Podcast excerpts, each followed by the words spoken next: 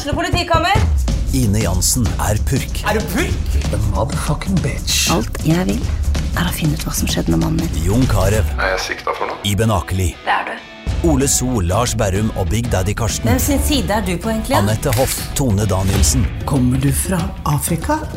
Jørnis Josef, Nesten. Kløfta. Trond Espen Seim, Det er synd å si det, men det var feil mann som døde. Purk. Premiere tirsdag på TV2 Play.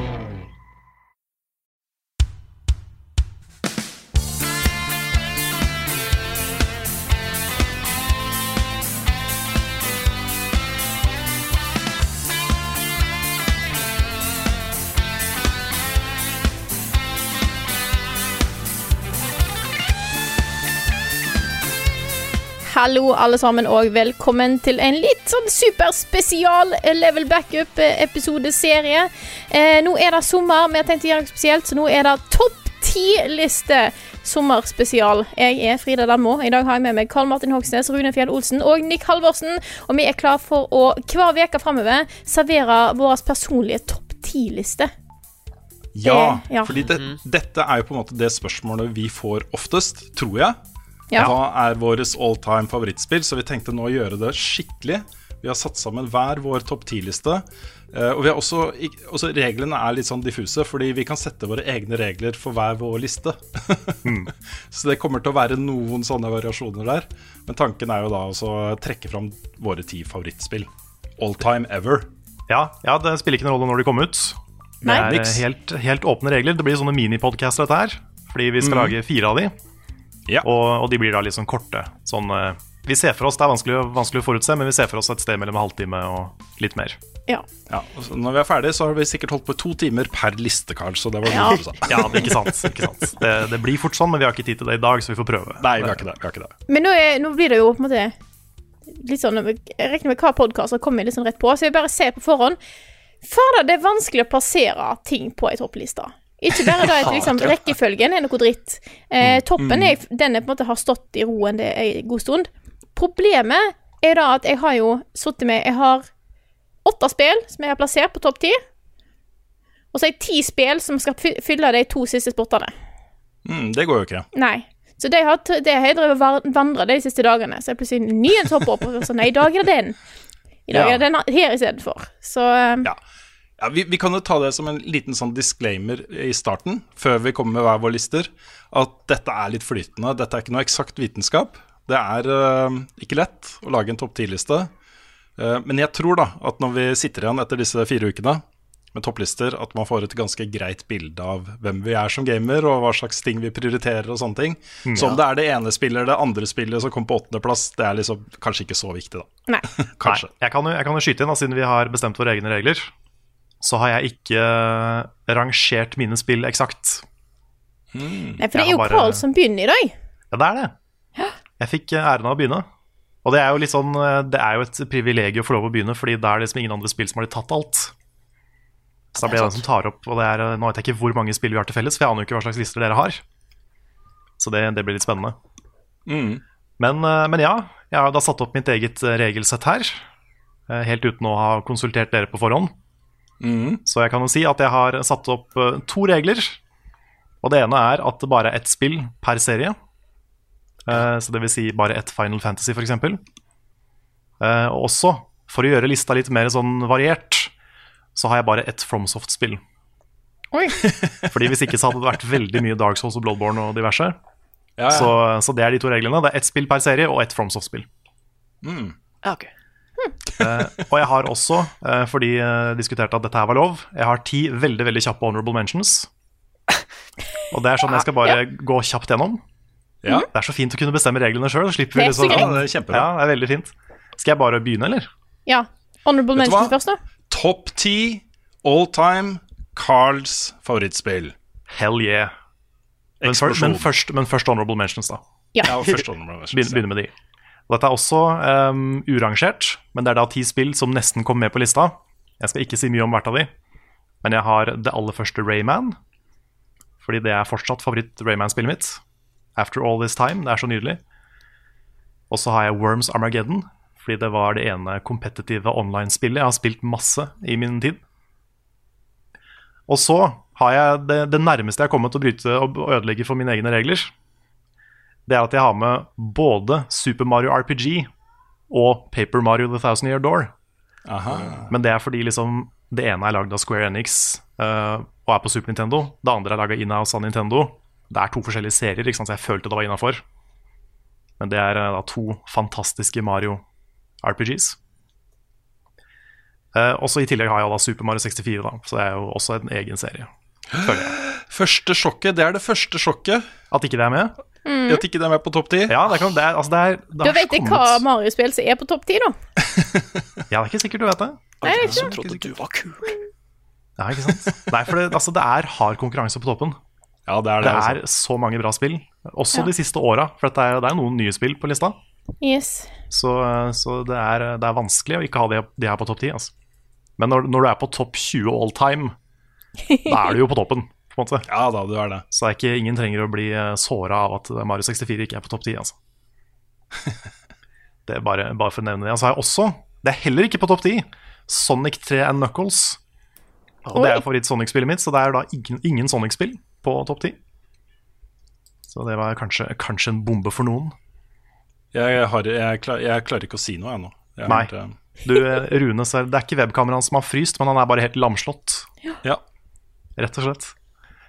Og så har jeg da to eh, fantastiske Metroidvania-spill som heller ikke kommer på lista, men nesten. Og det er Ori and the Blind Forest og Hollow Nights. Og begge de to er ti av ti spill for meg. De er helt fantastiske, men igjen konkurransen, ass. Ja, ass. Og så har vi Persona 5. Kom heller ikke med, men det var, det var close. Jeg tror det har overtatt Persona 4 som favoritt-Persona-spillet mitt. Og det, er, eh, det skulle mye til. Men jeg, jeg tror det har skjedd nå. Og på det siste, honorable mention, God of War. Det også, var, eh, det, det også var nesten. Veldig, veldig nesten. Men da kan jeg begynne på den Oh, faktiske yeah. lista. Og vi begynner eh, med, igjen, ikke rangert, men eh, jeg sparer jo de, alle de som er helt på toppen, sparer jeg til slutt. Så jeg begynner på, på de urangerte som ikke er helt på toppen. OK. Da vil, jeg, da vil jeg begynne med det som for meg er det beste eksempelet på et Pokémon-spill. Og det er Pokémon Soul Silver, eller Heart Gold eventuelt. Det er jo nesten samme spillet.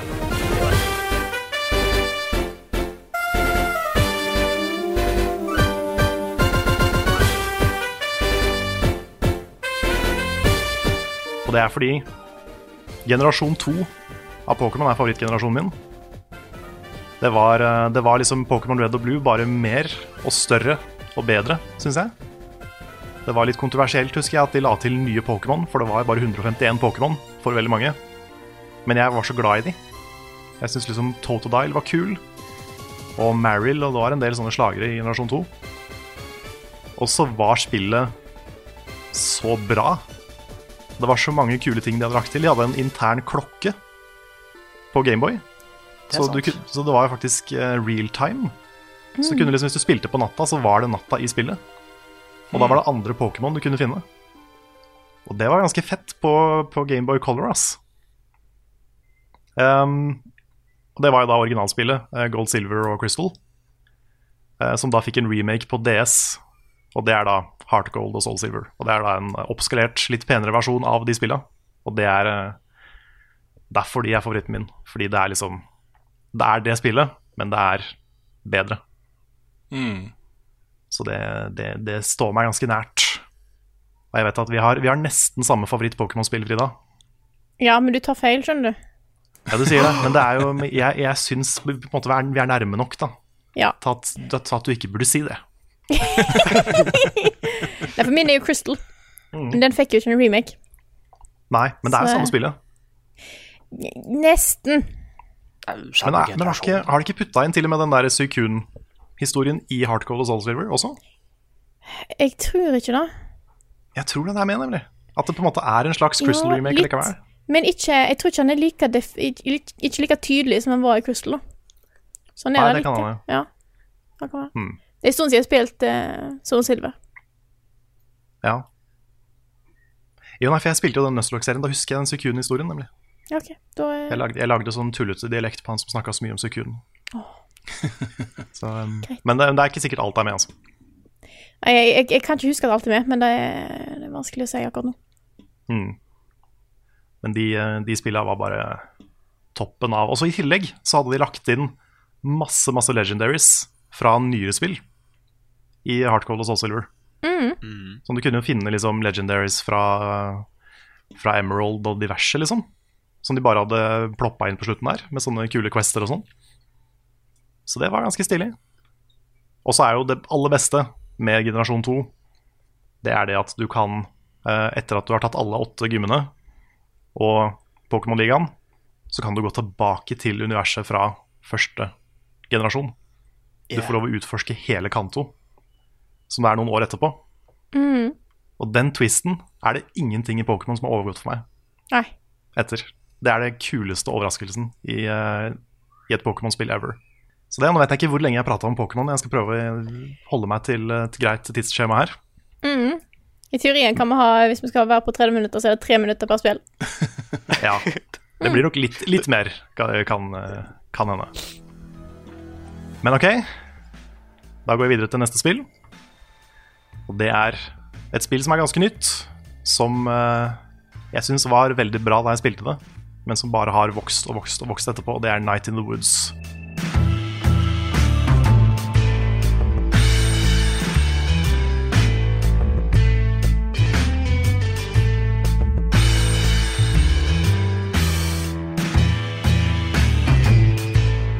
Jeg har aldri spilt et spill med så bra dialog, og et spill som er så real, og som treffer meg så hardt sånn personlig. Altså Som jeg føler reflekterer liksom min generasjon. da Nå er hovedpersonen litt yngre enn meg, men det er på en måte Jeg sier dette her med kjærlighet. Det er millennials the game.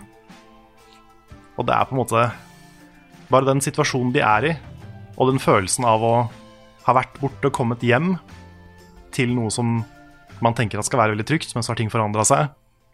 Eh, Det er ikke det samme som det var. Den følelsen tror jeg veldig mange kjenner seg igjen i. Jeg husker vi snakka en del om det i forbindelse med det spillet oss imellom også. Hvor jeg huska at jeg hadde følt mye på de tingene som uh, disse personene her følte på. Men at jeg var litt forbi den, hvis du skjønner hva jeg mener. Altså, det var meg for ti år siden da jeg spilte Ja. det. Det var en litt spesiell opplevelse, det å få på en måte, den følelsen også på litt avstand og se tilbake på den. Som en sånn ting som skjedde i livet mitt. Ja, sant. Og så er det noe med det rollegalleriet der. At de har hver sine uh, historier og problemer. Og de er så utrolig jordnære. Det er litt sånn som å Jeg tror det er litt sånn som å være veldig engasjert i Skam. Altså NRK sin Skam. At det er sånn Det er så relaterbart og så nært, da. At da blir man veldig investert. Og så er det utrolig bra humor i det. Og ikke minst så er det veldig samfunnsrelevant, den historien som blir tatt opp der. Handler om liksom nostalgi på godt og vondt, ting som går framover, og hva som blir etterlatt i fortiden. Det er mye der, da, som er veldig interessant. Jeg synes det, er, det er historiefortelling som er på liksom et høyere nivå enn det aller meste i spill. Og veldig fin musikk, ikke minst. Så Night in the Woods har uh, klatra opp på topp ti. Altså. Og så har jeg da uh, lista uh, sitt Zelda-spill som neste. Og det er Breath of the Wild.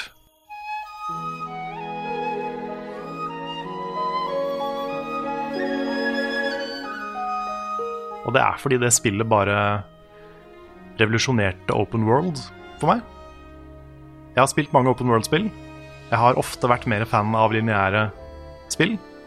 Fordi jeg liker litt den der regisserte opplevelsen, hvor du får, eh, du får en veldig spesifikk opplevelse som er kjempekul.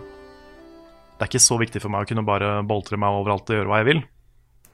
Jeg er mer glad i liksom gode historier og den type ting, da. Men bare måten du utforsker Hyrule på i det spillet, er så gøy. Bare. Det, bare det bare funker, og så er det så smart at du ikke blir Altså, det, det stresser deg ikke på noe. Og det er nok den største tingen. Fordi når du åpner et, eh, et map i et Ubisoft-spill Og nå caller jeg ut Ubisoft spesifikt, fordi det er de som er verst på det. eh, så finner du 100 000 sånne små markører om ting du skal gjøre. Jeg tror ikke det er kan 100 000, Carl. Det er kanskje ikke 100 000, men det er, det er ganske mange. Det er 990. Ja.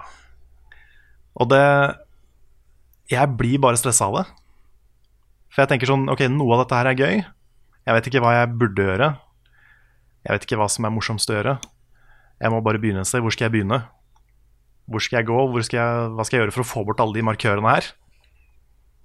Men i Breath of the Wild så kommer ikke de markørene opp før etter at du har vært der. Mm. Pluss at du kan plassere dem sjøl. Og bare det er en ganske sånn liten ting som har alt å si for meg. For da har du oppdaga ting sjøl, og enten så har du gjort deg ferdig med det, eller så har du gått videre, liksom. Men da vet du at det er der. Mm. Men det blir en sånn oppdagelsesferd, ikke sant? Istedenfor at du blir fortalt hvor alt i spillet er med en gang. Så bare kan du gjøre akkurat hva du vil, når du vil. Og du blir oppfordra til å ta det med ro og bare utforske og finne på hva enn du har lyst til, liksom. Mm. Jeg er veldig enig med deg, og den, den måten å utforske det kartet på også altså Du starter på samme sted uansett. Du må komme deg av eh, platået der, få den eh, paraglideren, og så kan du utforske som du vil. Da Da er det jo på en måte Du får jo masse eh, hint i miljøene. F.eks. plutselig så blir det kaldt.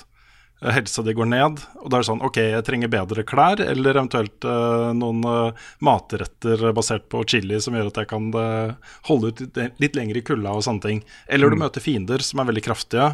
Og er sånn, ja, det er ikke meningen at jeg skal være her ennå. Eh, kanskje komme tilbake, ikke sant. Og det er Den derre roen som du snakker om, Mm. til å utforske i ditt eget tempo etter hva du har lyst til å gjøre, etter hvor du tilfeldigvis havner, er så sterk i det spillet, altså. Det er uh, veldig, veldig behagelig. Det er sånn Nesten litt sånn zen open world. Det er det. Det blir sånn, det å spille Breath of the Wild i sånne lange perioder, det er litt sånn meditasjon. Mm. Det er veldig deilig. Og så setter jeg så pris på at det på en måte, i motsetning til andre Zelda-spill, da, veldig mange av de, så er det ikke Det prøver ikke å beskytte deg fra å drite deg ut. Sånn som jeg dukka opp på, eh, på Death Mountain, der hvor alle de Goronsa bor, og skjønte ikke hvorfor liksom klærne mine tok fyr. For jeg hadde jo sånn heat resistance potion og sånn. Eh, så jeg drev og fløy rundt der og sa ja, men jeg brenner. Jeg har drukket sånn tre potions. Og liksom bare, hva, hva skjer? Så tenkte jeg sånn, ok, det er sikkert fordi jeg har sånn treutstyr på meg. Så jeg kasta fra meg alt utstyret jeg hadde av tre. Og så blir liksom bare alt av det jeg hadde av equipment, blir liksom bare liggende i en haug og brenne. Mens jeg fortsatt drev og døde. Um, og så skjønte jeg til slutt at å ja, det er fordi fire resistance er noe annet. Det er ikke det samme som heat resistance. Mm. Så jeg måtte ha en annen potion. Og det var sånne ting som spillet bare ikke fortalte meg. Mm. Og jeg skjønte det ikke. Men jeg setter likevel veldig pris på at det, liksom, det lot meg finne ut det på egen hånd. Mm. Jeg bare ser for meg deg bare står og ser på den der haugen står og brenner. Bare sånn Ja, men! Ja, det er litt sånn hva, hva gjør vi nå, liksom? Men det var sånn Det var irriterende der og da, men det var veldig morsomt. Det er, sånn, det er gøy å tenke på det i ettertid. At liksom, det, det er en ting som bare skjedde. Og det var noe som skjedde med meg, og det er ikke noe som skjedde i spillet fordi spillet er sånn. Men det var liksom en del av min historie, da. Det jeg husker det er- best fra spillet, er Og det er fordi resten av utforskinga er så lugn, og du gjør ting, og du får ting, og det er alt det gir mening, da. Men det er de der øyeblikkene hvor det plutselig kommer en drage flyvende gjennom lufta. Og du vet, du, du, du vet ikke hva den er, eller om den skal ta deg, eller noen ting, liksom. Så finner du først ut seinere. Du kan jo farme den dragen. Den har liksom items som du får dritmye penger for, og ting du trenger til å oppgradere armor og sånne ting. Eller den der mørke skogen hvor du må tenne lamper for å komme deg videre og finne veien videre og sånne ting. Som bare er der. Og så Den ligger som en sånn sort hull på kartet, ikke sant? og du vet ikke hva det er, eller hva du finner der, men det å gå inn der er en sånn der opplevelse i seg selv. da. Så det er på en måte alle de små historiene som former seg rundt de store eventene i dette universet her, som jeg husker best fra Breath of the Wild. For det er akkurat at du kan gå rundt og utforske, og uansett hvor du går, så får du noe tilbake igjen for det. Mm. Ja, det er sant. Og så er den paraglideren favorittingen min i verden. Ja. Bare kombinasjonen av den og det at du kan klatre opp hvor som helst, Mm. det gir deg en sånn helt eh, en sånn frihet som ingenting kan måle seg med. ass. Ganske sweet. Og den ekstreme friheten du har når det kommer til alt av fysikk, det at du kan sette noe i på måte, Kombinere alle de ulike evnene du har, til å få til helt sære ting. Alt jeg har sett at folk får til. Mm. Jesus Christ. Er det én ting jeg håper dere legger til i det nye, så er det en måte å få mer høyde eh, Kanskje ikke mange ganger på rad, men å få mer høyde med paraglideren mens du flyr. Det hadde vært en kul ting. Fordi det er alltid litt sånn nedtur når du lander. Ikke sant? For jeg, å, jeg ville fly lenger. Ja. Så et eller annet der, da, hadde vært fett. Mm. Men jeg får gå videre. Yes. Neste spill Krono Trigger.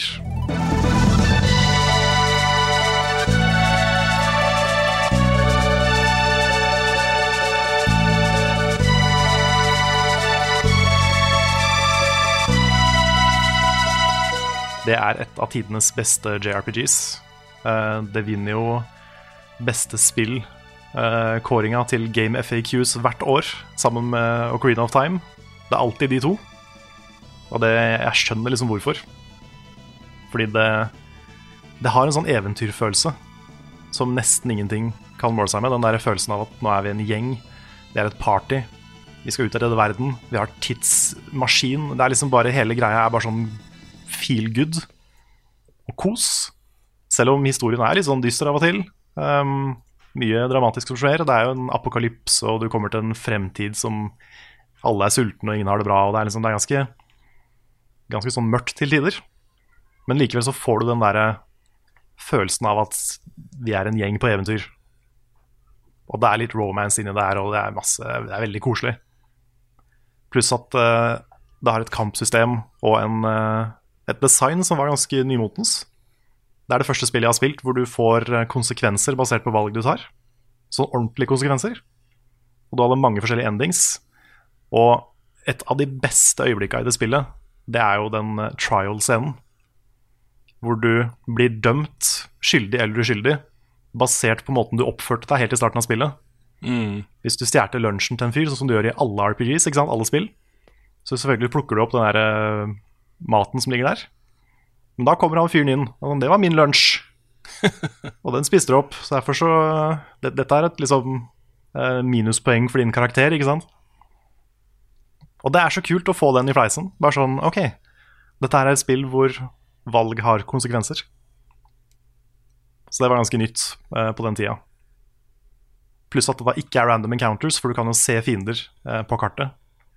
Som også er en eh, ting som heldigvis har blitt mer og mer populært. Men jeg kan eh, gli litt sånn lett over i det neste spillet, for det er mye av det samme der. Og det er Earthbound.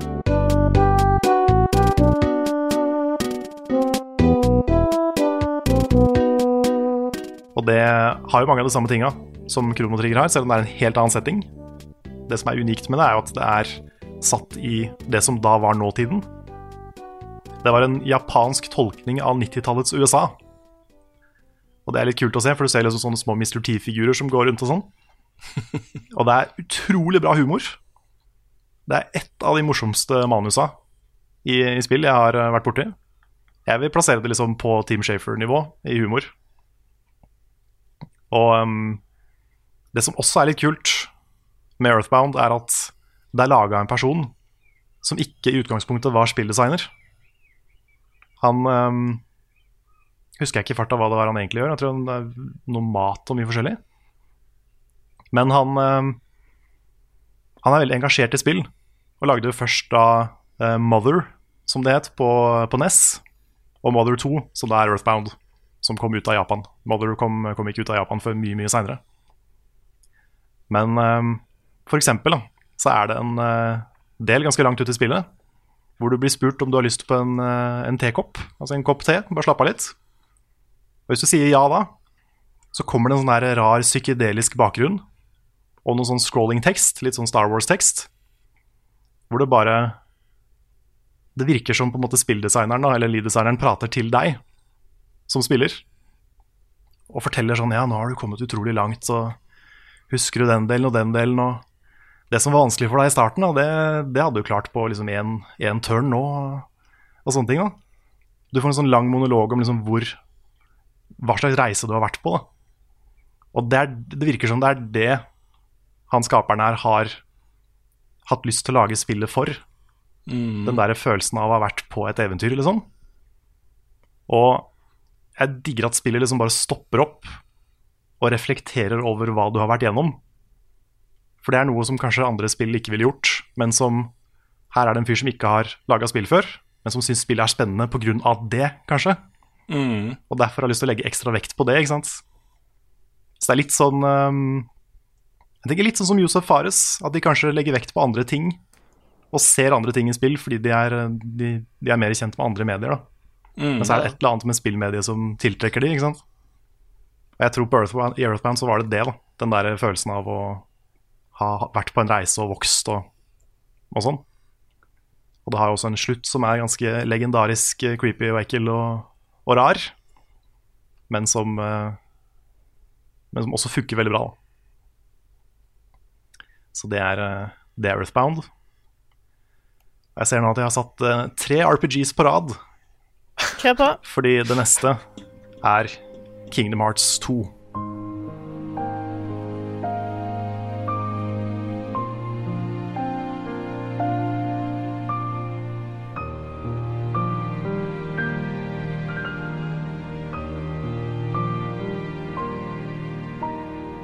Og grunnen til at det er Kingdom Hearts 2, er fordi det spillet eh, tok alt eneren var, og for meg gjorde det bedre. Kampsystemet er det beste i serien, syns jeg. Jeg liker veldig godt kampsystemet i treeren nå, men, eh, men i to så var det på en måte Det var veldig tydelige regler, for å si det sånn. I tre så kan det bli veldig sånn spektakulært og svært. Men i to så er det veldig tydelig hva du kan gjøre, hva du ikke kan gjøre. Du har veldig tydelige begrensninger. Og du kan designe så kule bossfights rundt de. Og det er noen sånne superbosser i det spillet, Det er Final Mix-utgaven, som er noen av de kuleste bossfightene i noe spill jeg noen gang har spilt. Fordi de tar kampsystemet og bare pusher det til det ytterste, liksom. Og i tillegg så var det Det var da serien begynte å bli weird. Sånn skikkelig weird, og det er kjempegøy. Og bare hele den pakka. Musikken er flott, og stemningen er kjempekoselig. Og det er en haug med svartkledde, litt sånne anime-emo-kids som er ganske mye med. Det syns jeg er dritgøy. Så hele den Kingdom Hearts 2-pakka er bare noe av det beste jeg vet om i spill. Nå bare babler jeg, så dere får bare skyte inn hvis dere har noe Det var gøy. Ja. Hopper inn når det er ting. Det er bra. det er bra Har liksom ikke så mye å komme på Kingdom Hearts. Nei. En dag, så ja, en dag så får vi snakke masse om det, Nick, for Nick har begynt å spille Kingdom Hearts. Ja, det er sant. Det, jeg gleder meg til å nerde om Kingdom Hearts med deg, Nick. Åh. Men jeg kan gå videre. Jeg ser at vi allerede er litt oppe i, oppe i tid. Mm -hmm. Det er fire spill igjen. Og det neste Det tror jeg Frida har på lista si også. Det er Portal 2. Well, here we are again. It's always such a pleasure. Remember when you tried to kill me twice? Det spillet eh, tok jo alt i Portal 1 og gjorde det til det jeg mener er liksom enda bedre. da. Fordi eneren også er fantastisk, men du har liksom Du har gameplay fra Portal som var utrolig nyskapende og kult. Du måtte liksom tenke på en helt annen måte for å løse de oppgavene der. Med og måten de bruker liksom eh, moment, momentum. Heter det momentum eller moment? Moment. Moment. Nei, Momentum. momentum. For momentum Jeg gjør det? Mm. Ok. Da vet Tror jeg. vi har diskutert det før. Ja, kanskje. Men ja, men liksom måten fysikken, da. Jeg tror det heter potato. Potato. Ja. Potato. Ja. Jeg skulle bare sagt fysikk, det hadde vært mye lettere. Ja, Nei, momentum måten- er ikke et ord. Det er sånn det er. Nei, ok, ok. Det Men heter fysikken? Ja. Moment. Moment. Måten momentet og fysikken uh, funker på i spillet, er, uh, er veldig kult, da. For det er jo det som også gjorde Half-Life 2, blant annet. Litt kult at du hadde det hele fysikksystemet som eh, de lekte mye med. Med gravity gun og sånn. Og portal gun er liksom Det er så fett. Det er en så kul idé. Som, som de bruker til så mye stilig. Uh, som de da brukte til enda mer kult i Portal 2, syns jeg. Jeg har en rebuttal, men jeg venter til, uh, til det er min tur. Ja, ok. Ja. ok. Det, I'm, I'm willing to listen. men, uh, men grunnen da, til at Portal 2 eh, går enda høyere for meg, det er historien og de rollefigurene. For du har Glados igjen, og nå er Glados mer en sånn derre bitter ekskjæreste. og det funker så bra, fordi hun er så sånn skarp og sassy og bitter på en sånn herlig måte. Uh, og i tillegg så er det sånn undertoner der at hun har på en litt sånn rar måte blitt glad i deg. Og spesielt eh, Jeg skal ikke spoile hva som skjer på slutten, men slutten er jo liksom en Det er en så fin konklusjon på det. Og ikke minst så har du Cave Johnson, som er helt uh, fantastisk. Og da Wheatley, som også er uh, perfect i den rollen han har. Mm. Og bare den, den der lekenheten og den, det manuset, den humoren, er noe av det liksom beste jeg vet. I spilldialog og alt mulig. Det er litt sånn Og- sårt, det der, fordi uh, I og med at det ikke kom noe mer Half-Life Altså De ga Ja. seg plutselig på episode 2, Half-Life 2 episode 2. Eh, der kom det jo liksom noen hint da i den siste episoden om at uh, det er noen crossovers med Aperture Science og Portal-universet og sånne ting. Og så de var på vei et sted som var så utrolig spennende.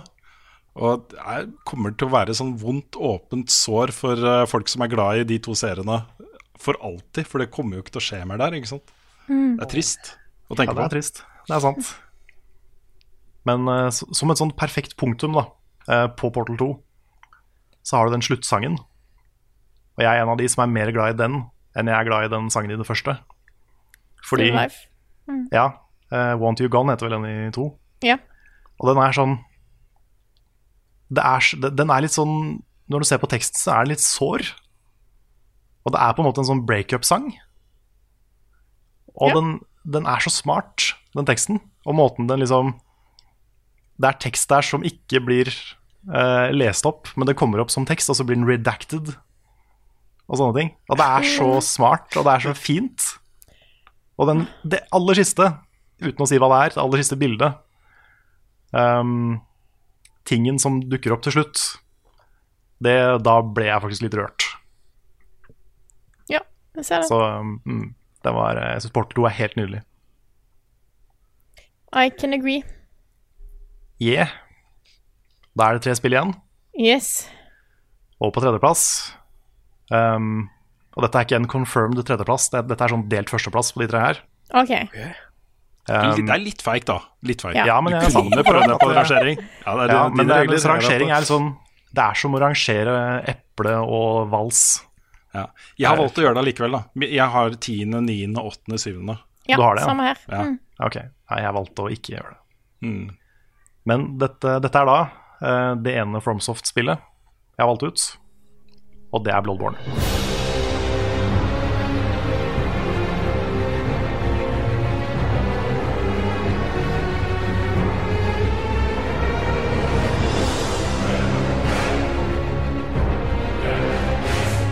Ikke sånn kjempeoverraska. Nei.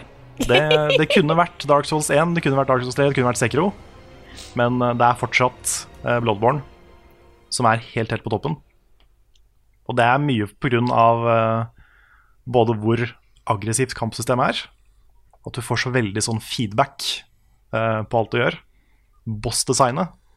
Det er få ting som kan måle seg med Vicar Emilia og de, de superbossene der.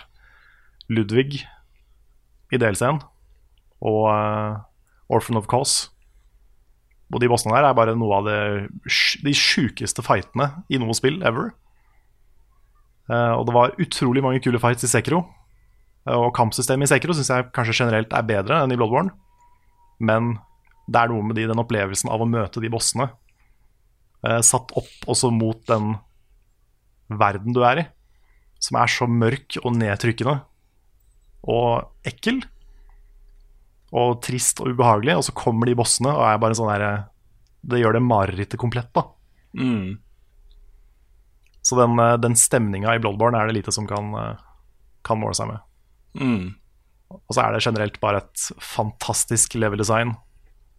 Og bare spilldesign generelt. Amazing. Det er det. Det er et mesterverk, altså, det spillet. Den ene tingen som jeg skulle ønske de kunne Som jeg skulle ønske ikke han, det var å spille det i høyere frame rates. For det kjører jo ikke kjempebra på PS4. Men det er en bagatell satt opp mot alt som er bra. Mm. Så er det to igjen. Eh, det neste på lista er Final Fantasy 9.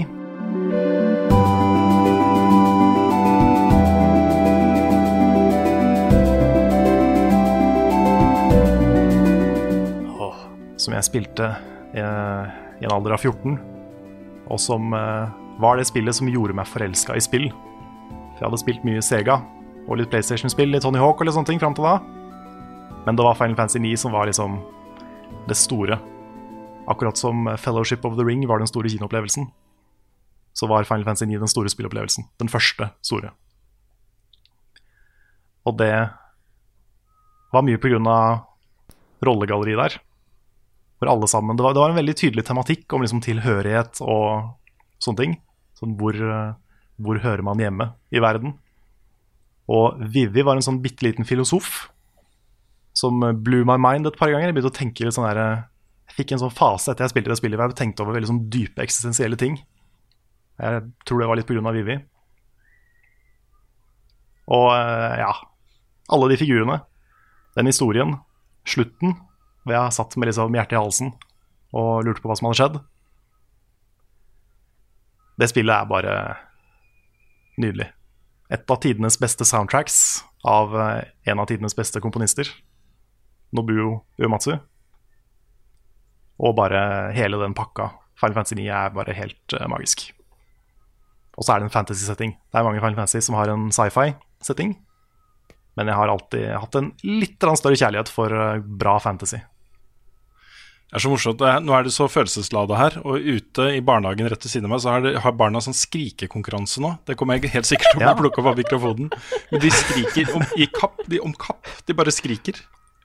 Ja. Bare, Men jeg tror de, tror de hører at jeg snakker om Final Fantasy 9, og så sier ja, at de ja. ja, ikke sant? Det er det sikkert helt enig Gleden fra dem. Mm. Ja, det er det det er. Det er bekreftelse. Men jeg har ett spill igjen. Og hva kan det være? Ja, hva kan det være? Det er sikkert, Hvis du har hørt på den podkasten en stund, så har du sikkert uh, ikke peiling. Men ta, ta, ta en standpunkt nå, Carl, og så si det er ditt all time favorittspill. Ja, men det kan, vet du hva, det kan jeg gjøre. Ja. Du kan godt. si det. Ja, jeg kan si det nå. Oh, det er. Fordi nå har det gått såpass lang tid. Jeg har fått, uh, det, det er jo da fire år siden det kom. Og nå tenker jeg at da kan jeg, da kan jeg with confidence si at favorittspillet mitt er Undertale.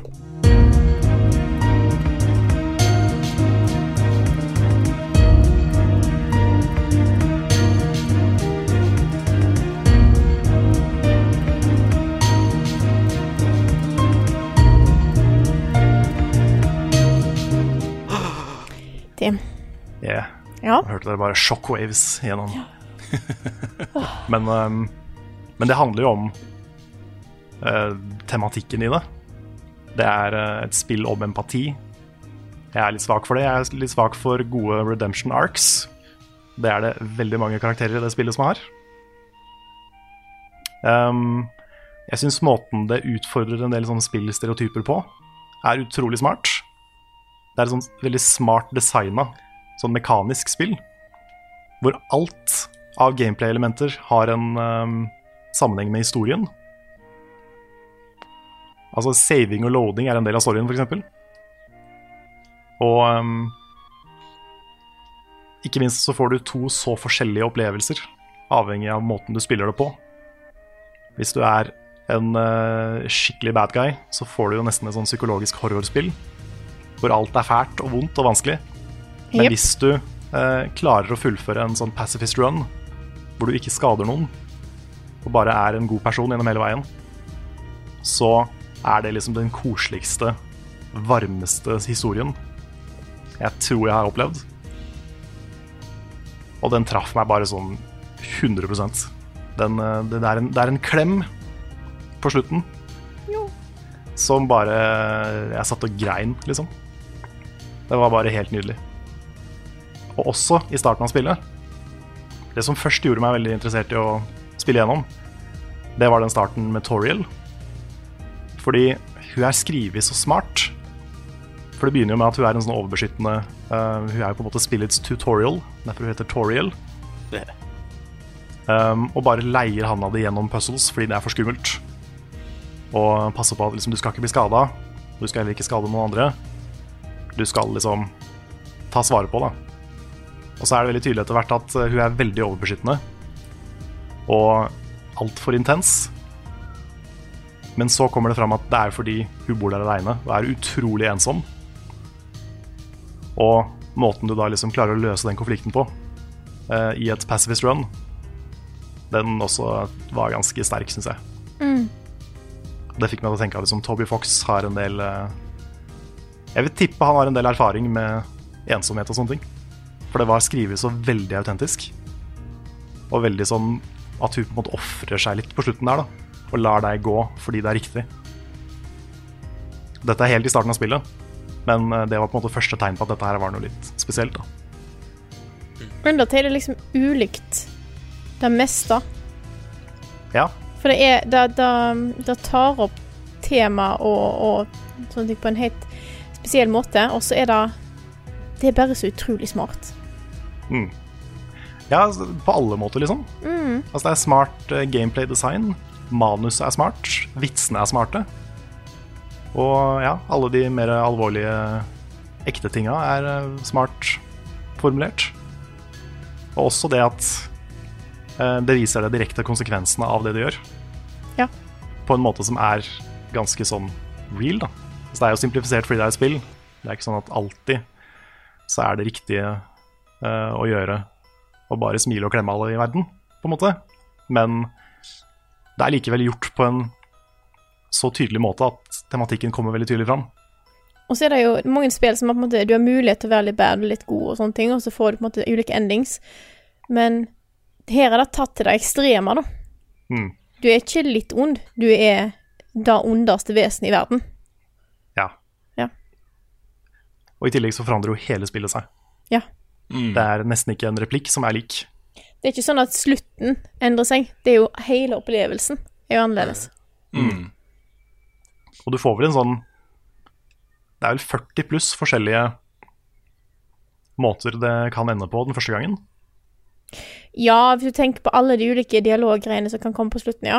Mm. Ja. Basert på alt du har gjort underveis og, og sånn. Mm. Og du får jo hele tida feedback på det.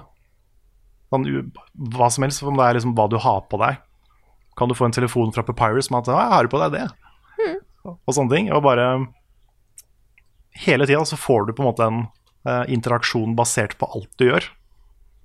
Og det også gjør at du, du blir veldig sånn involvert i det. Og det er så mye dialog som du sannsynligvis aldri får se. da. Og så ser du på noen spille det på YouTube, og så bare Å, shit, det var, veldig, det var noe av det morsomste spillet, og det, så, det fikk ikke jeg. Mm. Så um, det, er så det er så mye i det. Det er så mye dybde, liksom.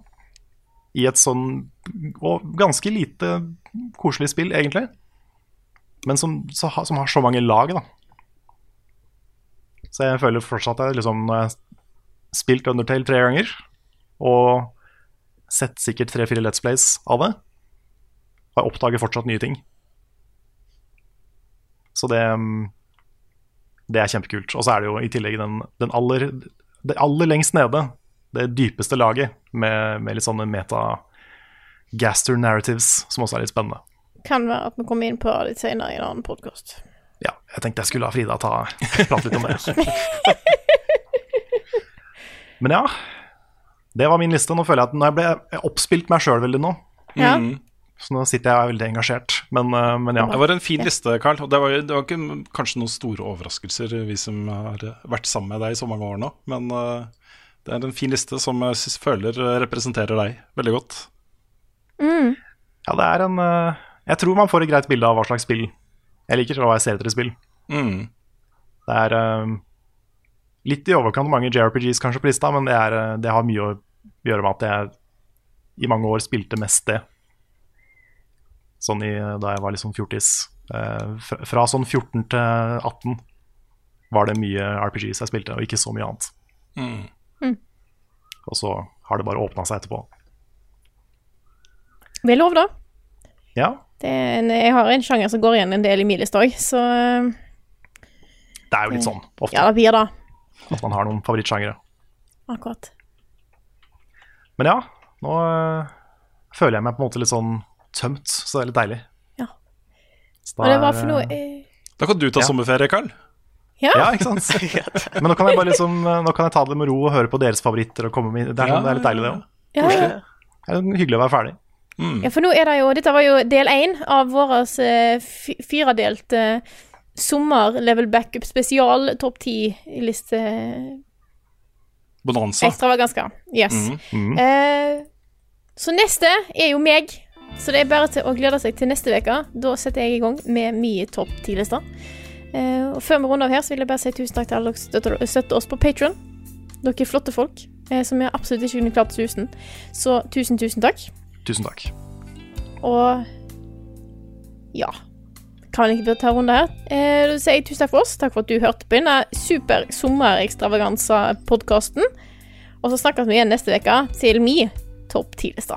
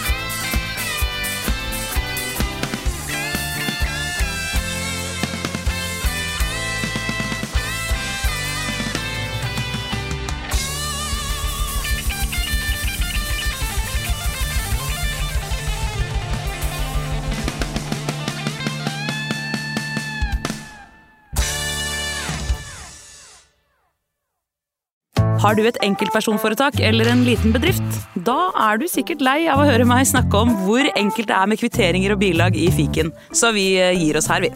Fordi vi liker enkelt. Fiken superenkelt regnskap.